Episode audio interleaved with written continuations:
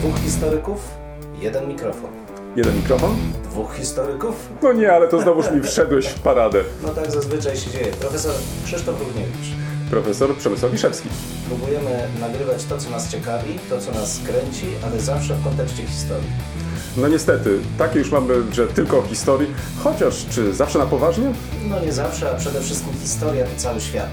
To nie tylko to, co minęło, ale też to, co jest teraz. Chcemy pokazać, że w historii można poznawać się w różny sposób. Zdecydowanie w różny sposób i nawet można się nią bawić. Państwo wszyscy widzą, że się uśmiechamy, więc my się też bawimy nieźle. Bardzo dobrze. Dwóch Liczymy historyków, jeden mikrofon. Jeden mikrofon? Dwóch historyków. Dzień dobry.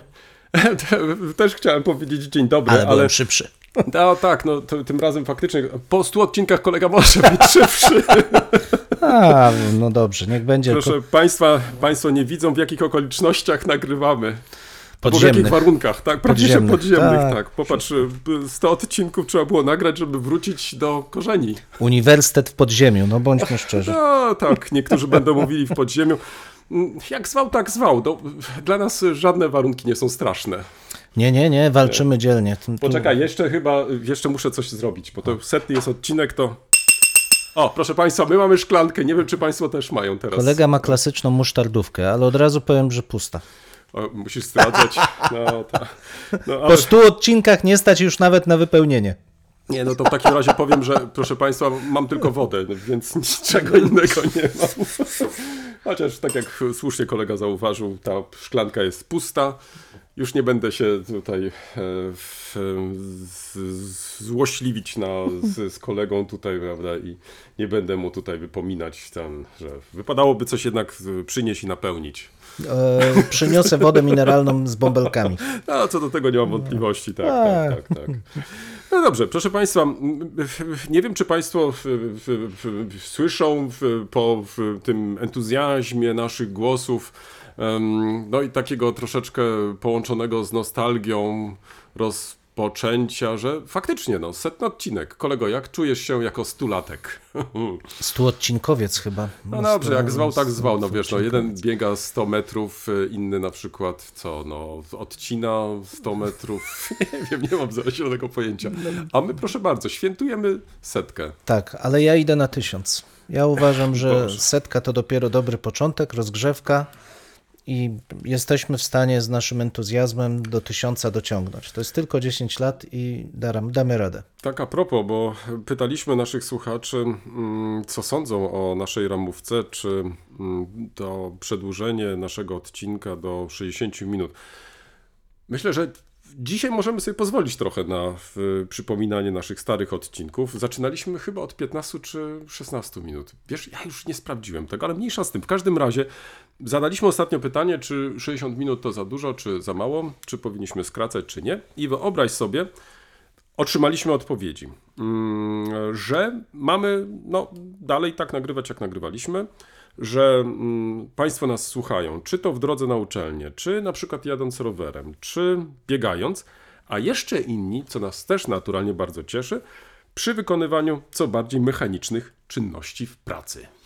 Bardzo dobrze, to tylko pokazuje, że z jednej strony nie jesteśmy w stanie zanudzić Państwa tak bardzo, żebyście zasnęli, a z drugiej strony, że istnieje pewna taka korzyść społeczna, to znaczy utrzymujemy ludzi przy życiu wykonujących pracę, której bez nas by nie wykonali. Tak. mm, Moja szklanka jest pusta, nie ma filiżanki z kawą, więc postaramy się Państwa jakoś utrzymać tutaj w, też w jakimś takim, można powiedzieć, e, gotowości do słuchania czy przyjmowania tego, o czym będziemy mówić. Ale e, tak przy okazji, bo ten setny mm, odcinek jest też naturalnie mm, dobrym punktem wyjścia do zaproponowania różnych zmian. I jeden z naszych czytelników zaproponował nam, mając na uwadze te 60 minut, wprowadzenie mm, linii czasowej czy też osi czasowej. Ja myślę, że nad tym moglibyśmy się zastanowić. Mianowicie chodzi tutaj o to, ażebyśmy te nasze części, które wydzieliliśmy, dodatkowo jeszcze wypisać pod naszym odcinkiem, tak żeby każdy z Państwa mógł na przykład, w zależności od tego, ile ma czasu, wybrać sobie odpowiednią część i ją przesłuchać.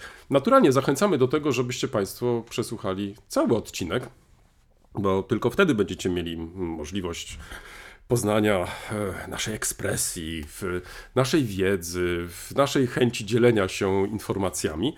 No, ale jeśli już zrezygnujecie z tego i będziecie się tylko koncentrować na tych częściach, mam nadzieję, że się nie zawiedziecie. Więc no, może taką propozycję zmiany e, uwzględnimy, no i zobaczymy, jak się przyjmie. Ja jestem za, zwłaszcza, że im bardziej Państwo będą mogli odsłuchiwać konkretnych części, tym większa szansa, że nie, Państwo nie zasną wykonując te wszystkie czynności w pracy. Od czasu do czasu będziemy naturalnie bić. mm, Kogo? Na, nie, na alarm. A na alarm, Albo, a, też, na a, na albo alarm, też, tak. używając dzwonka. tak, nie wiem, czy tak, Państwo tak, sobie tak. przypominają, to jest właśnie ten dzwonek. To oznacza, że my nagrywamy tym razem stacjonarnie, a nie na odległość. O, proszę bardzo, jeszcze raz. To co, przechodzimy w takim razie do mm, naszej już właściwej części. Myślę, że rozgrzaliśmy się już wystarczająco. Nowinki, starowinki, kolego. Bardzo proszę. Tak, Co ale- też nowego się starego u Ciebie wydarzyło? Ponieważ e, kolega tutaj Państwa na pewno za chwilę e, e, powita ogromną ilością ciekawostek ze swoich długich wypraw, bo kolega ostatnio podróżuje, tak. to ja dzisiaj będę starał się streścić. E, Zacznę frywolnie, a skończę w sposób taki może bardziej mm, poważny. Frywolność oczywiście jest względna, ale jednak, ponieważ dotyczy e, zmarłych, no ale w dość specyficznych. Tu w XVII-XVIII wieku bardzo często, no może przesadzam, że bardzo, ale często pojawiają się opisy hmm, spotkań e, ze zmarłymi, którzy to zmarli mają bardzo konkretne zamiary o podłożu seksualnym wobec żywych. Co więcej, w jednym z takich świadectw w przypadku ekshumacji podejrzanego właśnie o takie mm, niecne, złe działania pośmiertne, miał być odkrywany w trakcie mm, odkopania e, ciała wzwód e, mężczyzny. W jednym przypadku w Rybnicy Leśnej koło Wałbrzycha w 1709 roku podczas ekshumacji niejakiego Georga Eichnera 4 lipca zwrócono uwagę, że jego członek był, cytuję, ognisto-czerwony i w stanie wzwodu. I tu kolegę zaskoczę cy cytatem w języku obcym mi, czyli niemieckim. Das männliche Glied Feuerrot erhoben gestanden. Taki był. Feuerrot. Zwróćcie Państwo uwagę, że kolega coraz bardziej miękko czyta ten Tak, bo niemiecki. kolega mnie tak- Tym bardziej jest tak, to dla tak, uszu tak, moich tak, tak. takie Bo ja to staram się przyjemne. raczej jak z klosa czytać, ale kolega mnie upomina. Ale im dłużej czyta po niemiecku, tym lepiej mu to wychodzi. W każdym razie, proszę Państwa, nie było to e, tylko, nie był to przypadek e, odosobniony. Feuerrot. Feuerrot, tak, bo e, niejaka Rozina e, Kranin, która pomagała przygotować tegoż e, Eichnera do pochówku, wspomniała, że już wtedy, kiedy on był do tego grobu złożony, miał w, na wysokości krocza wyraźnie uniesioną koszulę śmiertelną, wskazującą na erekcję już w trakcie pogrzebu. Czyli krótko mówiąc, był dość wytrwały po śmierci. I e, takie osoby miały zwyczaj e, napadać e, mieszczanki, ale też i osoby zamieszkujące samą wieś.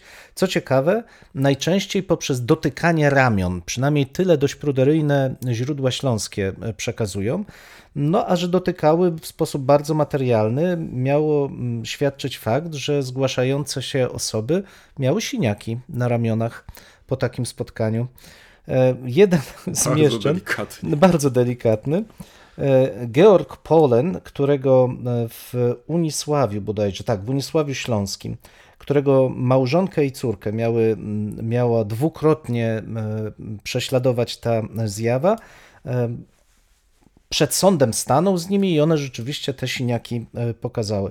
Ja nie jestem przekonany, czy to zjawa te siniaki im robiła, czy sam Georg, albo ktoś inny, ale, ale tak to zostało przedstawione. I już na koniec, żeby nie dręczyć Państwa tym dość makabrycznym jednak tematem, m, 33-letnia Maria e, Wielandin, tegoż e, zmarłego naszego kolegę Eichnera, e, oskarżyła o rzecz już bardzo szczególną. Mianowicie w pewnej nocy, kiedy leżała już w łożu, mm, podszedł do niej mężczyzna, o którym była przekonana, że to jej prawowity małżonek. Ale zorientowała się, że to nie jest jej małżonek e, w momencie, kiedy jego e, członek spoczął na jej twarzy i był lodowato zimny. To oczywiście, proszę Państwa, rozbudza naszą wyobraźnię, bo wskazuje na to, że gdyby nie był lodowato zimny, to ona wiedziałaby, jak się zachować, i na pewno nie był to pierwszy raz, kiedy to się wydarzało. Ale tutaj fellatio z lodowato zimnym częścią lodowato zimną tegoż zmarłego e, i n- nie spotkało się z jej entuzjazmem. Wtedy spostrzegła, że to jest osoba obca i odmówiła wykonania tejże czynności. No i ten zmarły wtedy uciekł od niej. Proszę Państwa, to wskazuje tylko oczywiście na pewną specyficzną sferę wyobraźni XVII-XVIII wiecznych Ślązaków, ale też pokazuje, jak to życie seksualne w tym okresie było bujne. A pojawia się ono dopiero w tym krzywym zwierciadle procesów e, sądowych. Zatem nie uważajmy naszych przodków za zbyt pruderyjnych, bo możemy się bardzo zdziwić. I tyle z mojej strony. Em, Zadałbym pytanie, ale nie wiem, czy mo- mogę, bo, bo zabrakło mi tej informacji, czy źródła milczą na ten temat. Co ostatecznie zrobiono z tą koszulą i, i wystającym, No wystającą niestety, częścią ciała? Czy, Od razu tutaj- powiem, że to no, kończy się strasznie. Znaczy, za, zazwyczaj takiej osobie po wykopaniu odcina się ale głowę, a ciało pali się i e, prochy rozsypuje się za granicami, albo na granicy miejscowości, albo poza jej granicami. Także nie ma tu happy endu. No dobrze, nie będę już drożyć tematów. Przechodzę do mojej nowinki, starowinki. Tak, proszę Państwa, tak się złożyło, że pod koniec tygodnia mm, odbyłem drugą część mojej podróży po Wielkopolsce. Nie wiem, czy Państwo przypominają sobie, kilka chyba miesięcy temu informowałem o tym, że cóż, em, jak to było? E, Cudze chwalicie, swego nie znacie, tak? E, Czyli wyjeżdżamy gdzieś e, do odległych krajów, a proszę, wystarczy wjechać za granicę miasta, nie tylko swojego, i, odkrywać faktycznie mm, kapitalne miejsca. Ponieważ już wcześniej zadałem to pytanie koledze, to nie będę mu jeszcze raz zadawać. Mianowicie zadałem mu pytanie, gdzie w Polsce znajduje się jedyne muzeum Adama Mickiewicza i kolega zna odpowiedź, czy nie zna? Nie zna. Nie, utrwali, nie nie utrwaliło mu to się. No nie było powtórzenia takiego. No dobrze, to proszę Państwa, to ja tylko, żeby ułatwić mu tą odpowiedź, to pozwolę sobie przytoczyć tylko miejscowości, które pod koniec tygodnia zwiedziłem. A z pewnością jedno Jak on mnie z nich- morduje. Jedno z nich wybierze e, w, kolega. Być może Państwo, być może Państwo już znają tą odpowiedź, więc sprawdzicie kolegę, czy tutaj mówi prawdę. No, także. Bo prawda, a propos prawdy, to chyba będzie taki wątek, który nam się pojawi także i później. Czyli e, Rydzyna, Leszno, Gostyń, Święta Góra, Jarocin, Śmiałów i dalej, Dobrzyń, Skalmierzyce, Ostrów Wielkopolski, Antonin i skończyliśmy na Sycowie. A ja wiem. Proszę bardzo, no, A ja wiem. proszę bardzo, to o jaką miejscowość chodzi? To Śmiało powiem Śmielów.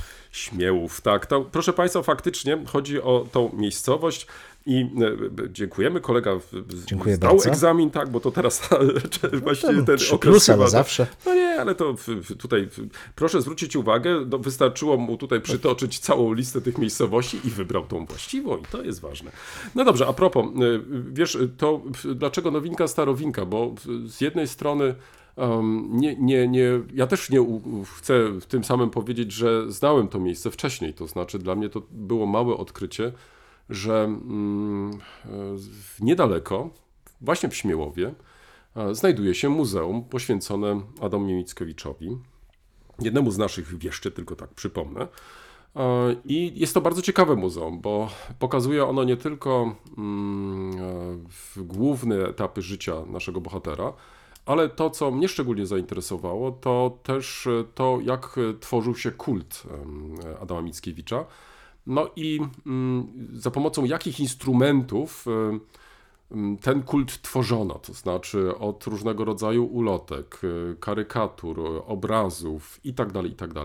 Także muszę Ci powiedzieć, że mm, każdy w tym muzeum znajdzie coś dla siebie, to znaczy z pewnością, jeżeli ktoś jest zainteresowany biografią naszego wieszcza, to bez problemu znajdzie wiele ciekawych rzeczy. Jeżeli ktoś będzie tylko zainteresowany tym, jak pośmiertnie obchodzono się z Adamem Mickiewiczem, też znajdzie sporo informacji. Ale też sporo informacji na przykład znajdą różni bibliofile, ponieważ w muzeum zgromadzono pierwsze wydania dzieł Mickiewicza, co wydaje mi się też bardzo ciekawe, ale to, co może też niektórych z Państwa zas zaskoczyć, że w muzeum tym uwzględniono też na przykład y, plakaty z, ze sztuk teatralnych wystawianych na przestrzeni, no właściwie już można powiedzieć, stuleci. I w jednym miejscu faktycznie możemy mm, obserwować e, zmianę estetyki e, tworzenia tego rodzaju plakatów. Tak więc e, nie tylko miłośnicy Mickiewicza tam znajdą coś dla siebie, ale też na przykład te osoby, które interesują się trochę sztuką plakatową, więc na przykładzie Mickiewicza mogłyby faktycznie na przestrzeni stuleci prześledzić, jak takie plakaty tworzono. Ale ponieważ jest tutaj mowa nie tylko o nowinkach, starowinkach, więc chciałbym króciutko, jeżeli Państwo pozwolą, przybliżyć e, to miejsce, bo myślę, że warte jest rozpropagowania, a przede wszystkim, jeżeli Państwo dysponują czasem, to pod koniec tygodnia warto faktycznie tam pojechać. Mianowicie mm, muzeum samo mieści się w klasycystycznym pałacu z końca XVIII wieku, no i jest e, traktowany jako mm, perła architektury polskiej. Em, Architektem był Stanisław Zawadzki i zbudowano pałac na planie podkowym. To sobie wszystko pięknie wypisałem. No proszę posłuchać. Kolega tu No tak też słucham, słucha. Tak. I posiada monumentalny portyk joński. Widzisz, żebym też nie miał wątpliwości, o jaki portyk Ale chodzi. portyk w stylu jońskim chyba. No to Bo joński to po, wiesz. portyk w stylu jońskim. Już No. jestem poprawiony, dziękuję bardzo.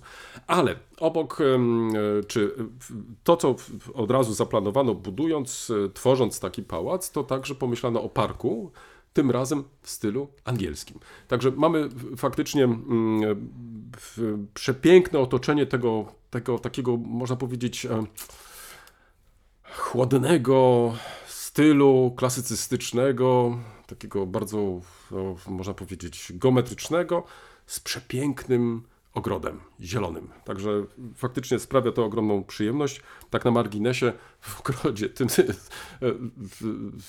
znajdziesz między innymi e, figurę mm, Zosieńki, jednej z bohaterek, ale ona przypomina raczej taką żniwiarkę socjalistyczną, więc wiesz, stałem przed tą figurą po prostu i nie mogłem się napatrzyć. To znaczy, mając gdzieś tam z tyłu głowy tą piękną postać opisaną przez Mickiewicza, w zderzeniu właśnie z tą figurą taką, no wypisz, wymaluj faktycznie wziętą chyba socjalizmu, to jakoś nie do końca mi to pasowało, choć otoczenie, nie ukrywam, faktycznie przepiękne. No i teraz y, jeszcze dwa, trzy zdania mm, o tym pałacu samym.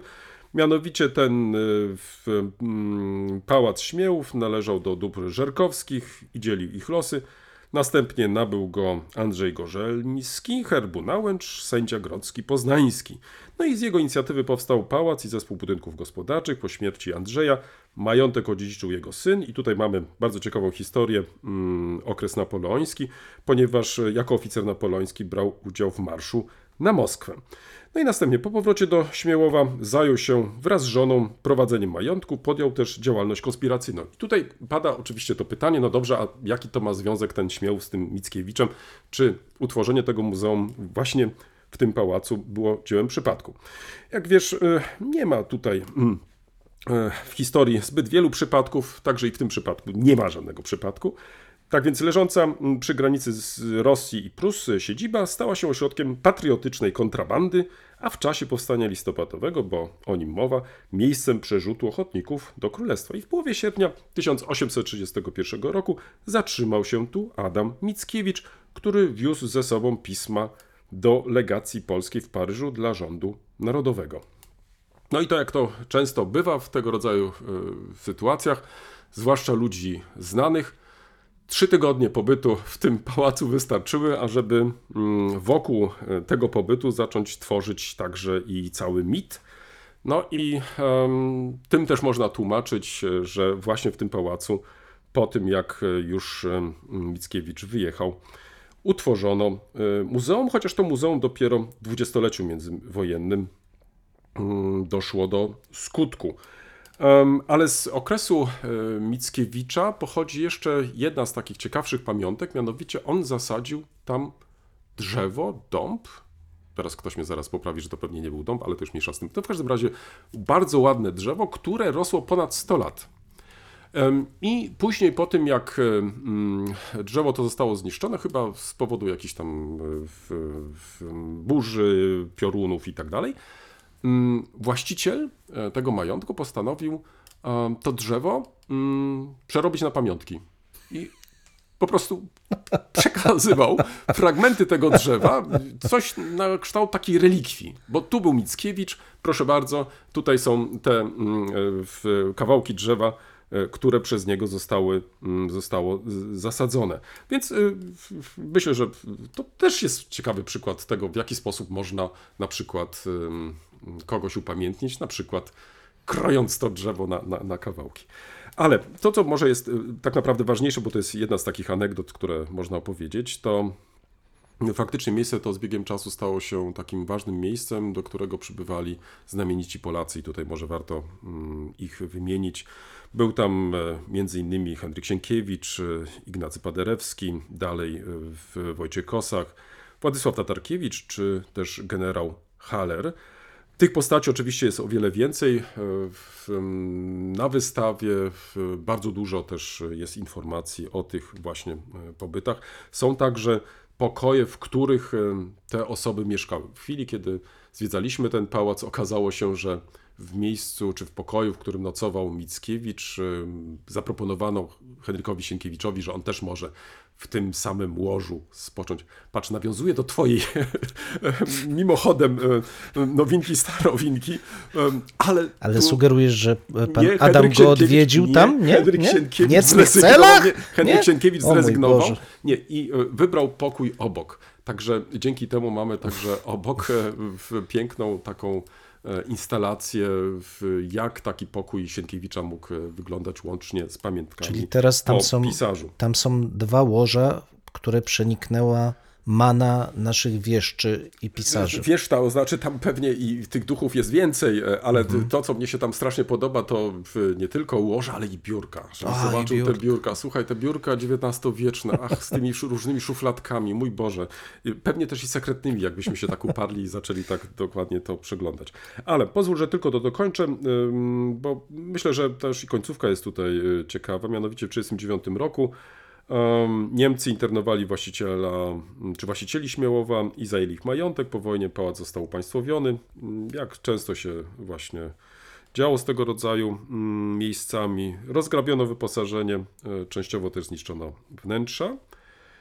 No i teraz e, dzięki temu, że właściwie e, mieściła się tam szkoła, także przez jakiś czas mieszkania dla pracowników PGR-u, to ostatecznie ten pałac nie został e, zrujnowany. W 70 roku przejęło, e, przejął pałac, e, przejęło Muzeum Narodowe w Poznaniu.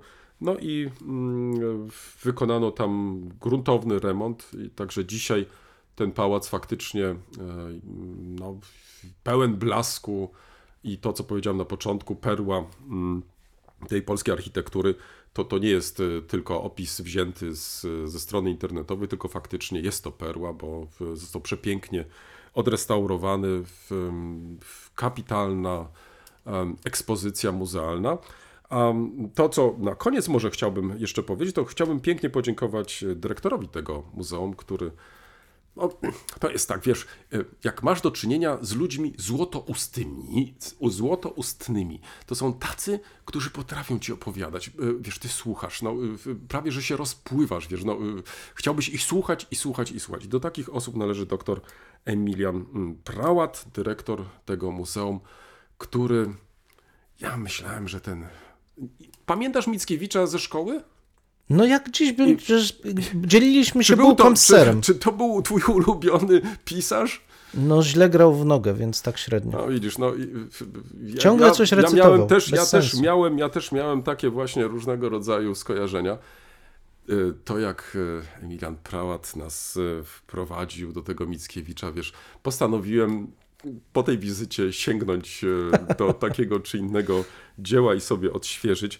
No i to chyba jest najważniejszy cel, to znaczy zwiedzając takie miejsce po jego zwiedzeniu jesteś zainspirowany, masz chęć, żeby nadrobić pewne zaległości. No i tu się przyznaję do tego, nie tylko do poznania tego miejsca, czyli zaległości Śmiałów. nadrobiłem, Śmiełów, Muzeum Adama Mickiewicza, ale też y, postaram się nadrobić moje zaległości, jeśli chodzi o wiedzę o samym Wieszczu i o jego dziele. To z mojej strony tyle. Patrzę jeszcze do notatek, ale może na, to chyba wystarczy, bo zaraz znowu się rozgadam i minie kolejna godzina, a tak naprawdę nie przejdziemy do właściwych tematów. to może tyle. To ja tylko mam, tak sobie wyobraziłem, przepraszam, tak, tak tylko chciałem a propos, bo zafascynowała mnie historia z drzewem posiekanym na kawałki, bo rzeczywiście to, to dążenie ludzi do posiadania materialnego elementu em, idola swojego jest niesamowite, bo to kult y, relikwii nie jest charakterystyczny ty- tylko dla chrześcijaństwa, ale tak sobie wyobraziłem, co by było niestety, gdyby mistrz przybył z psem i ten pies został w Śmiełowie. I czy ten pies także skończyłby w tej formie, ewentualnie, nie, nie, ale czy wiesz, jego wiesz, dzieci, dzieci i dzieci? Nie, nie, nie, nie. To, to, to, To- to, jego trosz- te, tego psa by pochowano, wiesz, na, No, nawet wiem. by ufundowano nagrobek. I dzisiaj byłoby to miejsce, do którego byśmy podążali, zwracając uwagę, No, że to właśnie tam, w tym miejscu został pochowany ulubiony pies Adama Mickiewicza. No to jest ta optymistyczna wizja, to jej się trzymamy w takim razie. To jej się trzymamy. Tak na marginesie, zwróć w wielu majątkach y, szlachty, czy też to polskiej, czy, czy niemieckiej, znajdziesz właśnie To takie prawda. miejsca. Tak, tak. Już tak. nie mówiąc o niektórych y, królach, bo przecież i tacy byli, Wiadomo. którzy lubili swoje psy i nawet f- fundowali cmentarze, gdzie Tak. właśnie chowano te ich pociechy. No, to tylko pokazuje y, naszą zależność od zwierząt i to, jak kochamy te zwierzęta. Nie tylko kochamy Mhm. absolutnie. ludzi, ale kochamy i zwierzęta, prawda? Czasami głównie zwierzęta. Idźmy do następnego. Ja już dzwonię. Dobrze, w takim razie przechodzimy do lektur.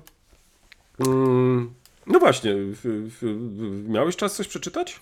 A znowu mnie kolega tutaj próbuje, bo on na pewno tam ma już cały stos, więc Ja, nie, to, to, ja proszę Państwa krótko dzisiaj, bo ja mam nie- krótką półkę. No, tam jest krótką półkę, byście Państwo widzieli tą jego krótką półkę. Dobrze. Naprawdę, naprawdę. Dwie książki tylko, proszę Państwa, dzisiaj dużo nie. A, tylko dwie książki. Jedna w, już mająca swoje lata, czyli lat trzy dokładnie. Sturis Dionizos, Dionizios, przepraszam, Grecja, gorzkie pomarańcze. Dla osób, które się interesują Grecją, to dość znana książka. Dla tych, które mniej, może rzadziej e, Wakacje sięgana. się zbliżają, proszę państwa. Tak, ale ta książka nie jest wakacyjna, od razu powiem. O, Z jednej strony przedstawia ona losy e, Greków, pewnie w części Macedończyków też, ale to głównie Greków jednak, którzy emigrowali do Polski po e, no, rewolucji, powstaniu, wojnie domowej w Grecji. E, Z drugiej strony opowiada o współczesnej Grecji i konfliktach społecznych i e, już minionych chyba, bo dotyczących wielkiego kryzysu finansowego w Grecji w e, minionych latach, ale dla mnie była to książka jako historyka ciekawa z dwóch powodów, bo z jednej strony oczywiście zobaczyć podłoże konfliktów społecznych, kryzysu gospodarczego, bardzo ciekawie opisane przez e, bezpośredni kontakt e, z ludźmi, którzy brali w tym udział, bez zadęcia, bez epatowania emocjami, z pokazaniem całego zróżnicowania losów i relacji w, w, w, tym, e, w tym kryzysie. Bardzo ciekawe doświadczenie. Natomiast chyba najciekawsze jednak było spojrzenie właśnie na losy tych migrantów, bo z wielu rzeczy nie zdawałem sobie sprawy, bo to, że migranci na Śląski, na Pomorze e, przybywali po zakończeniu wojny domowej, to rzecz znana. To, że w pewnym momencie, kiedy ta okazja się nadarzyła i Grecja e, wyraziła zgodę na przyjęcie ich z powrotem, zdecydowana większość, choć nie wszyscy, wrócili, to też wiedziałem, ale zarówno te szczegóły ich pobytu tutaj, takiego codziennego życia, na co zwracają zresztą oni sami uwagę, bardzo ciepło wspominając Polskę. To znaczy, zdarzały się oczywiście jakieś drobne e, konflikty. Zresztą sam e, w jednej ze wsi podwrocławskich o, ta, taki opisywałem, kiedy w trakcie jedne, jednej z zabaw ludowych właśnie Grecy pobili się z Polakami. To, to taka normalna rzecz, powiedziałbym, w tym okresie. Ale generalnie bardzo ciepły opis e, ze strony kobiet. O ile mężczyźni nie wypowiadają się w zasadzie w tym zakresie, zresztą większość z nich już nie żyje teraz, o tyle kobiety, które dorastały w, w Polsce, mm, wspominają mm, pobyt w Polsce bardzo ciepło, ponieważ dokonała się w ich przypadku emancypacja. Znaczy one, mimo że mm, żyły w tych rodzinach greckich, w kręgu greckim, zaczęły funkcjonować e, tak jak ich polskie koleżanki, chodzić do pracy, mieć swoje pieniądze, wychowywać dzieci oczywiście tak, ale jednocześnie czuć swoją niezależność.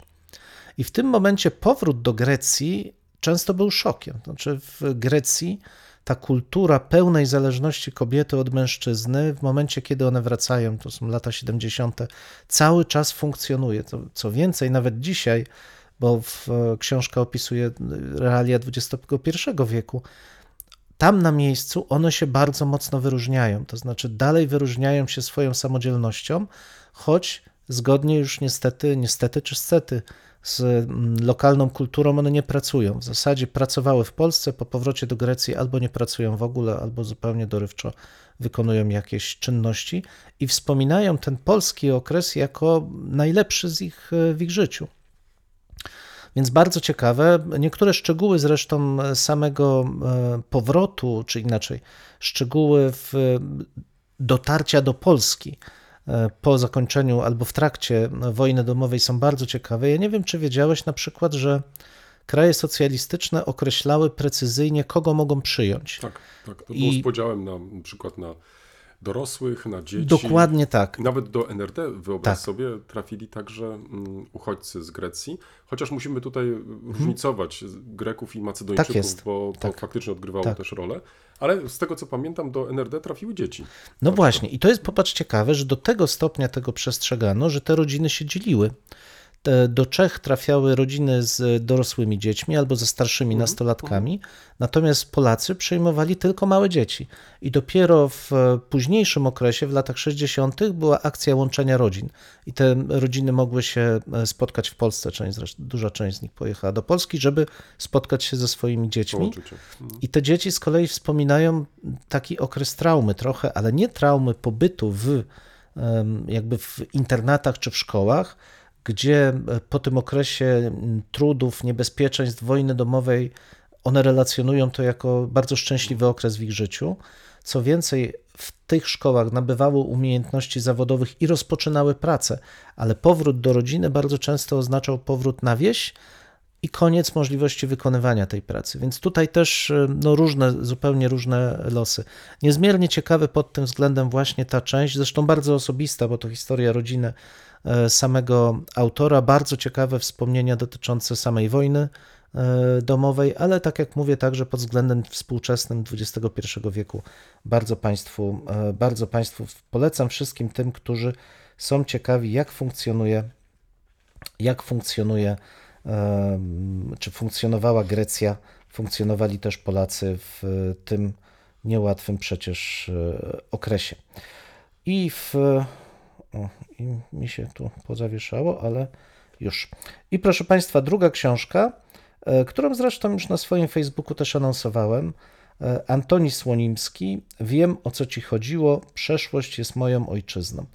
Bardzo ciekawe wydanie. E, Są tutaj, jest to wybór wierszy Antoniego Słonimskiego z bardzo obszernym e, wstępem Adama Tu się, Michnika. u, tu się jakoś objawiła romantyczna dusza naszego kolegi. Ja przecież jestem cały z romantyzmu. Ja, po, Ta wiersze. ja no, proszę, proszę Państwa, Dzisiaj no, to w ogóle jakoś tak, wiesz, mamy tak jakieś mamy takie intymne sprawy i jeszcze do tego nawiązujemy do wielkich e, dramatopisarzy. tak.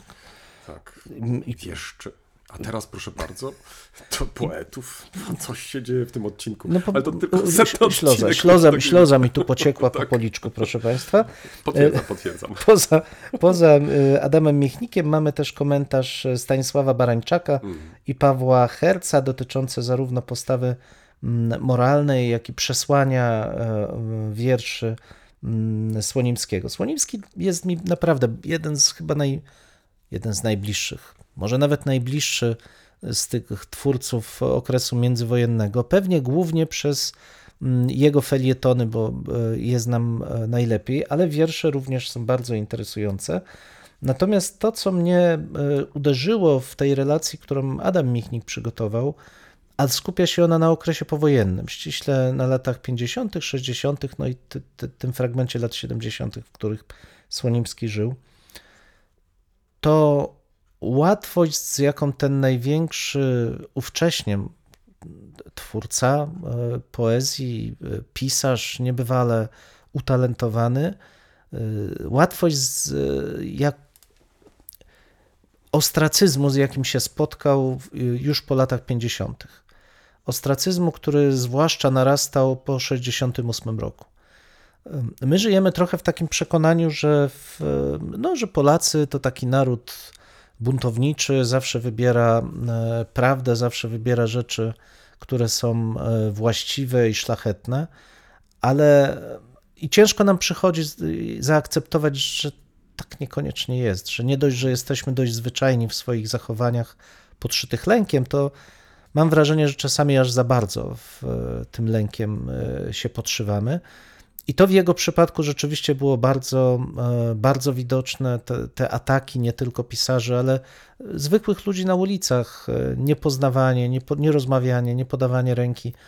No, przejmujące wrażenie, w, także dotyczące nie tylko Słonimskiego, bo to też jest ważne, że e, Słonimski w momencie, kiedy mm, rozpoczęły się pierwsze procesy uczestników tych zajść, stawił się od razu na procesie, żeby im towarzyszyć ale nie było tam wielu innych osób poza, poza nim. Co e, jeszcze raz pokazuje, że ta e, romantyczna wizja, dzisiaj o romantyzmie dużo, szlachetnych Polaków, którzy zawsze wypowiadają się za dobrym, powinna być dość mocno skorygowana. Nie. To wymaga odwagi, nie każdego na to stać i z tym większym szacunkiem wobec tych, których na taką odwagę stać, mm. powinniśmy się odnosić. Z całym sercem polecam ten, e, ten tomik, pięknie wydany przez wydawnictwo Universitas. E, bardzo mądry, e, bardzo e, poprzez te komentarze, czy, czy Barańczaka, czy Michnika, bardzo trafiający także w dzisiejsze czasy. I tyle z mojej strony o moich lekturach. Bardzo ciekawe, chociaż do tego ostatniego wątku, który podjąłeś, czyli mm, tego, że trzeba wyjść z tej swojej strefy komfortu, że trzeba mm, pokazać poprzez swoje działanie, że mm, można zachęcić innych do wysiłku, że można dać świadectwo. Do tego wrócę mm, także w mojej w, krótkiej wypowiedzi. Ale zanim do tego przejdę, najpierw chciałbym Cię zachęcić do i Państwa także do sięgnięcia po książkę przedziwną, mm, trochę nietypową wręcz e, bym tak to określił. Mianowicie zatytułowano ją Niewidzialne biblioteki. Mm, to nie dlatego, że każdy z nas w swoich domach posiada niejedną bibliotekę, sięgnąłem po tą książkę, ale mm, wcześniej podczytywałem sobie e, krótkie teksty na Facebooku, które mm, przytaczał mm, wydawca tego tomu, albo określił się tutaj jako ten, który spolszczył e, ten tom, Jacek Denel. Chodzi tutaj o książkę autorów Lorenza Lianga, Moniki James, e, Denisha Sheikhana, Ami Trautwein i innego. To znaczy jest jeszcze jeden autor, który kryje się pod tym właśnie pseudonimem inny. Niewidzialne biblioteki. Krótkie teksty o nieistniejących bibliotekach. E, kiedy zaczynasz czytać ten tom, e, w pewnym momencie zaczynasz się gubić, to znaczy mm, przechodzisz przez taki mm, praktycznie labirynt różnych pomysłów na biblioteki, takich, które Byłoby fajnie, gdyby zostały zrealizowane, ale sami doskonale wiemy, że zrealizowane być nie mogą. To bardzo przypomina mi inną książkę. Nie wiem, czy miałeś kiedykolwiek ją w ręku, mianowicie Stanisława Lema Doskonała próżnia. Z kolei y, książka Lema to są recenzje, przypomnę tylko, nienapisanych książek, czyli y, to też taka zabawa intelektualna, w y, pisanie o książkach, które nigdy nie powstały, a pojawiły się tylko w umyśle pisarza. I teraz, żeby nie być gołosłownym, żeby zachęcić Państwa do sięgnięcia mm, po tą książkę, jest ona szczególna.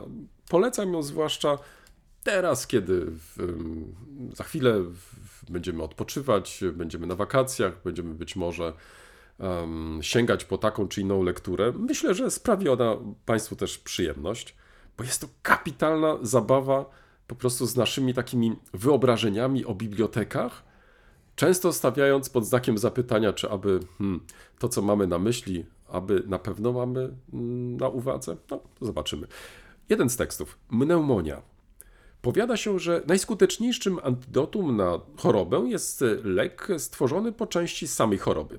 Biblioteka pneumonii, zaprojektowana raczej jako szpital niż przestrzeń dla książek, unosi się w powietrzu, gdyż zbudowano ją z najlżejszego z materiałów niepamięci. Za każdym razem, kiedy ktoś zapomina książkę, którą kiedyś czytał lub uwielbiał, ta powoli znika z półki i wyrusza w drogę do pneumonii. Zważ jednak, że nie dzieje się to automatycznie. Istnieją bowiem ścisłe zasady tego, co może do pneumonii trafić. Zwróć uwagę, to jest tylko jeden z akapitów tego bardzo krótkiego tekstu, ale jak on wprowadza? To znaczy, y, tym bohaterem jest ta pamięć i niepamięć, czyli coś, co dla nas historyków jest y, mm, chlebem chyba codziennym naszej pracy. No i teraz jak to się ma do tych książek? No i w, w, nie będę streszczać y, tego rozdziałiku, bo to nie ma takiej potrzeby. Mam tylko nadzieję, że Państwo sięgną do tej książki, bo mm, autorzy zaskakują nas. To znaczy, jest to uczta faktycznie nie tylko dla oczu, ale także i no, może nie do końca rzeczywista. Nie tak jak kolega ostatnio tutaj piekł w makowce i tak dalej, więc ja tylko z podziwem spoglądam na te jego wytwory. Ale czytając tą książkę, faktycznie różne rzeczy potrafimy sobie wyobrazić dzięki właśnie mm, pomysłom tutaj autorów. To byłaby jedna książka. Przypomnę jeszcze raz, y, Niewidzialne biblioteki, spolszczył Jacek Denel, książka napisana przez Lorenza Younga, Monikę James, Denisza Sheikhana, Ami Trautman i innego. Wydawcą jest wydawnictwo literackie, książka pięknie y, wydana edytorsko. I druga książka, nie, nie, to, to jeszcze nie ta szklanka. E, druga książka to jest pretekst, e, tak naprawdę, w, albo inaczej, to, to, jest, to, to jest wynik pretekstu. E, mianowicie mm, w moim sąsiednim mieście, w Wielczu Laskowicach, od kilku dni jest tworzony nowy mural, który jest poświęcony postaci, którą być może część z Państwa zna, ale chyba większość, myślę, nie kojarzy jej. Mianowicie chodzi o mm, maratonistkę i ultramaratonistkę, medalistkę Polski, ale także e, kobietę, która wpisała się do e, Księgi Guinnessa. Mural jest poświęcony Barbarze Szlachetce i wykonuje ją Arkadiusz Andrejkow. Artysta malarz, street artowiec e, z Sanoka, i jedno określenie, które się nauczyłem, mianowicie nowe. Nie wiem, czy wiesz, że obok murali jest jeszcze deskal. O! Tak. Jest jeszcze deskal i tutaj mm, Arkadiusz Andrejkow specjalizuje się w tak zwanych deskalach. Mm, tak zrodził się też projekt, y, który mm, następnie mm, został popularyzowany w książce, którą chciałem króciutko przedstawić. Mianowicie projekt pod tytułem Cichy Memoriał. I mm, pomysł, muszę Ci powiedzieć, był no, prosty, aż, aż y, zazdroszczę, że tak proste pomysły no, też mi nie przychodzą do głowy. Co zrobił autor? Mianowicie mm, autor postanowił na y, często starych stodołach, na starych domach, na podstawie dostarczonych przez rodzinę zdjęć, namalować przodków. I tu masz e, faktycznie cały przegląd e, różnych typów, e, od rodzin po pojedyncze osoby. To, co jest charakterystyczne dla tych deskali, to jest to, że autor maluje je przez jeden dzień. Namalował tych deskali w ostatnich latach ponad 150. Więc jest to, można powiedzieć, praca, która z jednej strony może mm, powstaje szybko, ale efekt jest kapitalny. Musisz sobie wyobrazić stare stodoły, jakieś stare domy um, i um, przeniesione na tą powierzchnię obrazy, które widzimy tylko na starych zdjęciach. Często punktem wyjścia dla tych deskali były zdjęcia z XIX wieku jeszcze. Także niektóre z nich e, cechują się taką statycznością. To było związane przede wszystkim z rozwojem fotografii wtedy. W ostatnim czasie jednak e, autor postanowił sięgać po mm, zdjęcia z ostatnich e, dziesięcioleci, które mają już bardziej charakter taki reportażowy. Także znajdziesz na przykład zdjęcia mm, naszych bohaterów e, z ulubionym koniem, z ulubionym traktorem. Mm, Bardzo ciekawy tytuł, który posłużył mu do tego projektu, czyli Cichy Memoriał. Także pod takim tytułem ukazała się książka, przepiękny album. I pozwól, że taka, żeby zachęcić Państwa do, o- do sięgnięcia po ten album, przytoczę może króciutkie teksty, które towarzyszą e, tym właśnie mm, dziełom, które wykonał autor. Są to różne miejscowości e, Podlasia, e, ale co warto podkreślić, e, artysta e, także i e, tworzy e, w innych częściach Polski. No i pozwolę sobie przeczytać te króciutkie teksty, tak żeby wprowadzić Państwa troszeczkę w atmosferę tego tomu. Mianowicie, Jaćwierz. Z kolekcji starych fotografii ta wydała się najbardziej wyrazista. Austro-węgierski poborowy żołnierz. Być może przed wyruszeniem na front I wojny światowej. Siada przed obiektywem z żoną i córką. Bo, bo gdyby, to łatwiej im będzie pamiętać o nim. Jedna historia. Inna historia. Orelec. Pamiątkowe zdjęcie uczniów szkoły podstawowej w Orelcu z lat 60. XX wieku. Teraz już jako dziadkowie być może przechodzą ze, przychodzą ze swoim, przepraszam, przychodzą ze swoimi wnukami, żeby pokazać im ten deskal. No i może ostatni przypadek, przypadek Włodawy. Niemal wszystkie polskie miasteczka były zamieszkiwane w okresie przedwojennym także przez społeczność żydowską. Żydzi włodawscy zginęli w niemieckim obozie zagłady w Sobiborze. Ta ściana służąca za tło dla tej rodziny żydowskiej potęguje grozę ich zagłady. Zwróć uwagę, y, w tych przykładach mm, znajdziesz zarówno typowe historie, chociaż e, w ujęciu autora mm, stają się bardzo nietypowe, ale e, w większości są to mm, postacie, e, można powiedzieć, zwykłe. To znaczy, e, nie masz tutaj postaci z pierwszych stron gazet, polityków, naukowców itd., itd., tylko są to konkretni mieszkańcy danej miejscowości.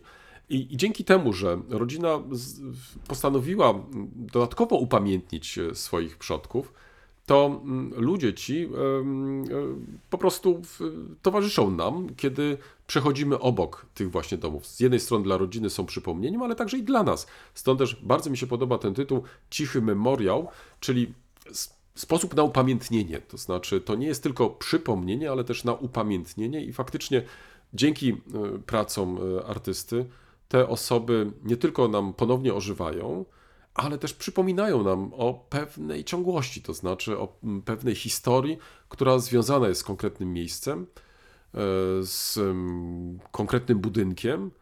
Em, Nawet jeżeli są to już osoby, które, których nie ma wśród nas, lub też w tych budynkach już nie mieszkają właśnie te osoby, które przed, dziesięcią, przed, dziesięć, przed dziesiątkami lat w tych domach żyły.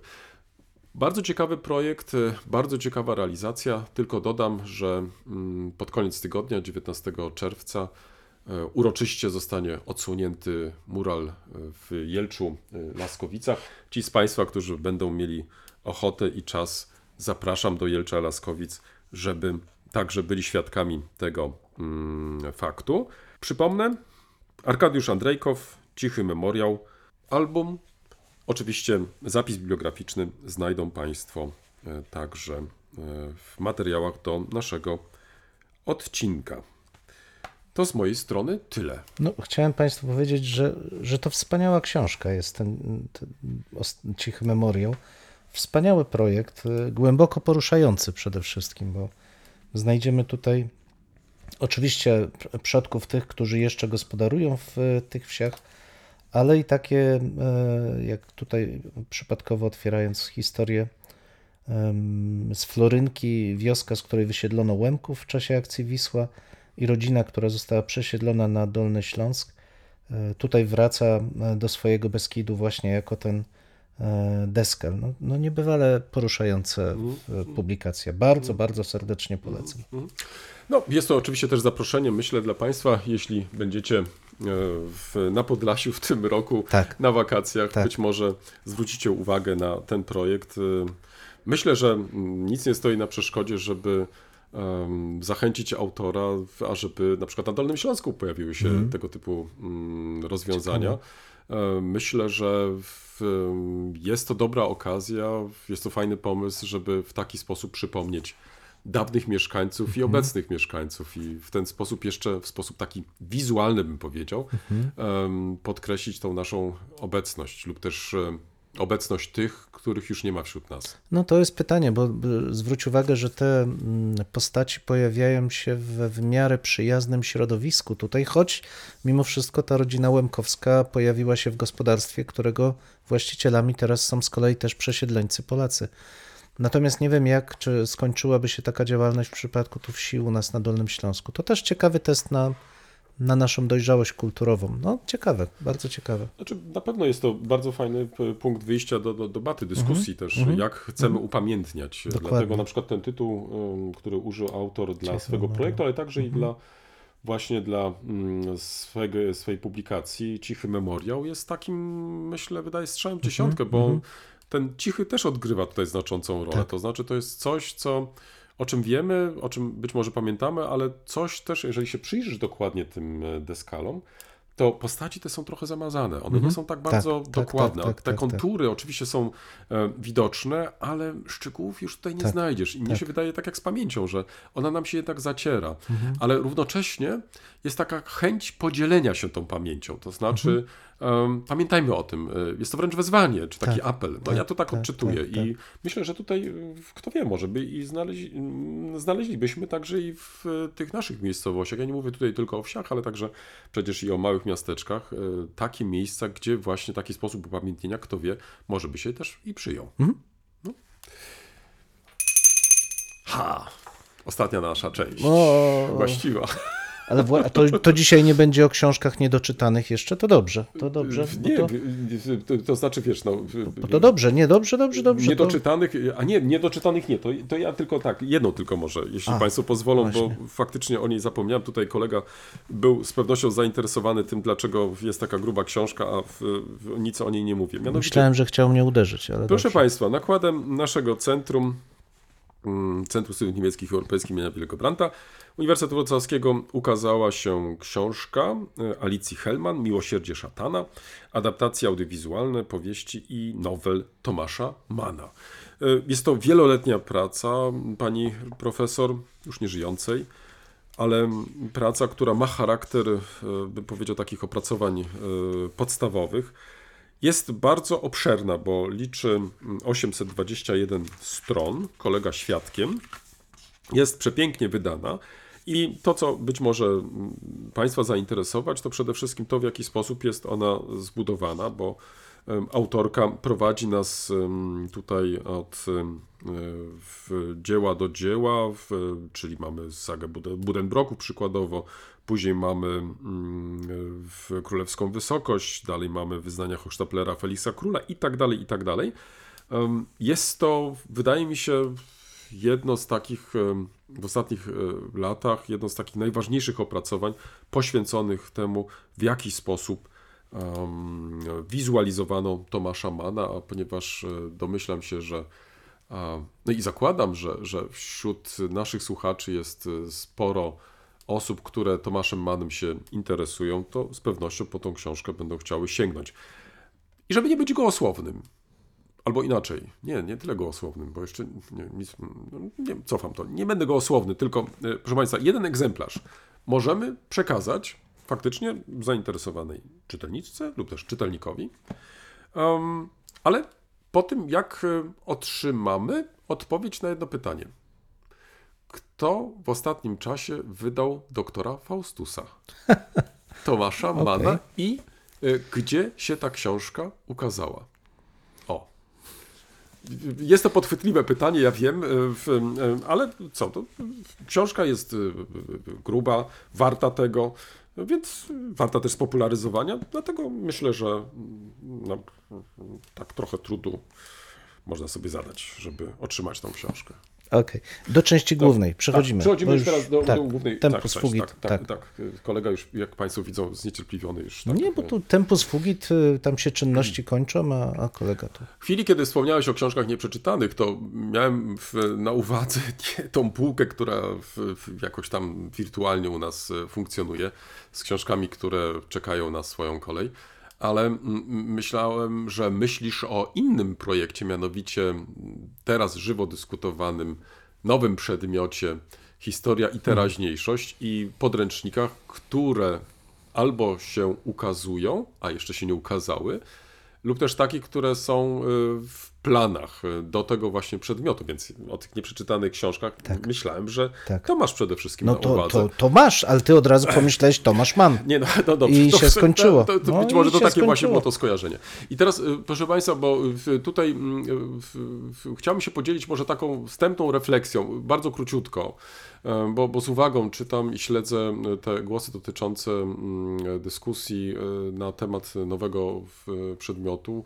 Ostatnio nawet e, wypowiedział się w tej sprawie po raz kolejny pan minister, mówiąc e, o tym, jak ważny jest to przedmiot, zwracając uwagę, że uczniowie w szkołach e, dotąd nie mieli okazji studiować, uczyć się historii najnowszej, że często ta historia po 1945 roku była przez nauczycieli traktowana po macoszemu.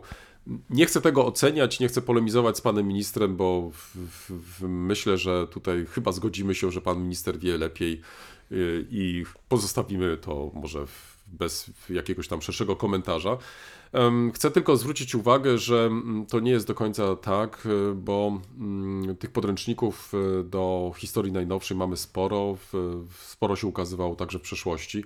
Więc e, myślę, że e, zainteresowani uczniowie, jeśli nie na lekcjach, e, ale przygotowując się na przykład do egzaminów, tak czy tak sięgali do tych właśnie podręczników. Inną sprawą jest to, co, mm, o czym się dzisiaj dyskutuje, zwracając uwagę, ponieważ informacje o jednym z pierwszych podręczników przedostały się już do opinii publicznej. No i mm, to, o czym chciałbym dzisiaj porozmawiać, to przede wszystkim o tym, jak prowadzimy dyskusję, jak prowadzimy debatę. Bo mm, moje wrażenie czasami jest takie, że mm, opieramy się tylko na jakichś mm, wypowiedziach, często fragmentarycznych, często wyciągniętych z jakiegoś e, kontekstu i budujemy na tym wielką historię. Ponieważ, e, tak jak wspomniałem, ten pierwszy podręcznik, o którym tutaj jest tak często mowa, nie ukazał się jeszcze drukiem, nie jest on jeszcze dostępny, więc wątpię, żeby ktokolwiek, e, którakolwiek z osób e, piszących na ten temat miała okazję przeczytać ten podręcznik, mając jeszcze na uwadze dodatkowo to, że jest to obszerny podręcznik, to jest ponad e, 500 stron. I teraz mm, zastanawiam się, czy mm, raczej w takich sytuacjach nie powinniśmy jednak mimo wszystko z dużą ostrożnością podchodzić do tego rodzaju informacji, raczej nawet nie zawracając sobie głowy, czytając je, bo jeżeli ktoś nie przeczytał takiej książki, a już wie, jak e, w, w, ta książka jest napisana, co w niej znajduje, czego nie znajduje, i tym samym deprecjonuje taką czy inną pracę, to uważam, że to jest nie fair i nie w porządku. Ja teraz naprawdę proszę mnie źle nie zrozumieć, ja nie chcę oceniać, czy to jest dobra, czy zła, tylko e, raczej chcę przypomnieć e, rzecz podstawową, to znaczy warunkiem prowadzenia jakiejkolwiek dyskusji, przynajmniej tak mi się wydaje, no, powinno być to, że wiemy, o czym dyskutujemy. To znaczy, możemy się mm, zmierzyć z takim czy innym materiałem, ale naszym, powiem tak brzydko, psim obowiązkiem jest po prostu przeczytać ten materiał. I dopiero na tej podstawie możemy, tak przynajmniej mi się wydaje, e, a nawet jestem wręcz pewien, e, możemy wyrazić swoje zdanie. No to dwie, dwie rzeczy tu się zdarzają. Z jednej strony dy- dyskutowaliśmy o tym już, o, już wiele odcinków temu, czyli o e, nowej podstawie programowej do historii, nowej podstawie programowej do nowego przedmiotu, jakim jest historia i teraźniejszość. W obu przypadkach e, ja miałem bardzo zasadnicze zastrzeżenia, dalej je mam, e, i co do metodologii wykładu treści i interpretacji treści zawartych w samej podstawie programowej. I to jest e, rzeczywiście wielki Ale do problem. tego cię skłoniły, do takich uwag skłoniła cię lektura Tak, podstawy tak. programowej. I Właśnie do tego zmierzam, tak, że, że ta dyskusja miała i ma dalej, uważam, charakter jak najbardziej sensowny, bo jest o czym dyskutować, jest e, konkret, jest tekst. Natomiast w przypadku podręcznika e, profesora Roszkowskiego rzeczywiście mamy do czynienia raczej. mm, Hmm, gdybyśmy żyli w innym kraju, powiedziałbym, że jest to przemyślana strategia marketingowa. To znaczy, publicysta, przepraszam, wydawca wypuszcza fragmenty te najbardziej publicystyczne, najbardziej emocjonujące, po to, żeby wszyscy zwrócili uwagę. Rozpoczyna się szeroka dyskusja w mediach, publicity, fajnie się książka sprzedaje, o to chodzi. Natomiast w przypadku naszego kraju mam wrażenie, że jest to raczej działanie zupełnie przypadkowe, to znaczy jesteśmy już tak głęboko podzieleni i nasza kultura dyskusji y, publicznej jest tak niska, że w zasadzie wystarczy jakakolwiek wypowiedź emocjonująca, która zamienia się w jakąś burzę, u podnóża której jest fakt albo wątły, albo wręcz w ogóle coś, czego nigdy nie było, a co staje się przedmiotem tej dyskusji. Dla mnie ta dyskusja rzeczywiście jest bardzo symptomatyczna. e, Nie dlatego, że, że chciałbym właśnie bronić autora czy jego poglądów, bo e, słuchałem też i wywiadów z nim samym dotyczącym tego podręcznika i no, z niczym tam nie mogę się zgodzić. Natomiast rzeczywiście, żeby móc o czymś dyskutować, to taka intelektualna um, uczciwość wymaga, żeby rzeczywiście z całym dziełem się zapoznać. Ale wiesz, to jest pewien głębszy problem nawet, to znaczy w jaki sposób dziennikarze przygotowują swoje teksty. Ilu z nich, o tym już kiedyś rozmawialiśmy, jest w stanie przeprowadzić rzeczywiste badania na dany temat, przejrzeć wiele różnych opinii, wyjść poza Google, jednak poczytać cokolwiek, a potem przygotować rzetelny artykuł. W większości przypadków dzisiaj artykuł to są dwie kolumny maksymalnie, czasami pół, w trakcie której 3000 znaków to jest maks i cały problem ma zostać w nim przedstawiony. Więc ostra teza, ostre stanowisko, podsumowanie i czekanie, aż przejdzie to w internet i będą się liczyć kliki, bo od klików będzie zależało wynagrodzenie i przyszłość samego dziennikarza. Niestety, samo medium, jakim w tej chwili staje się mm, internet, moim zdaniem bardzo mocno i bardzo negatywnie wpływa na głębokość dyskursu publicznego.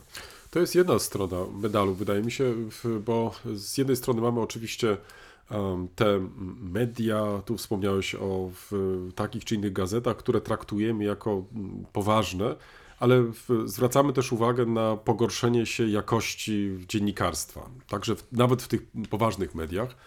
Ale jest e, też i druga strona medalu, to znaczy media społecznościowe, gdzie praktycznie każdy się już może wypowiedzieć.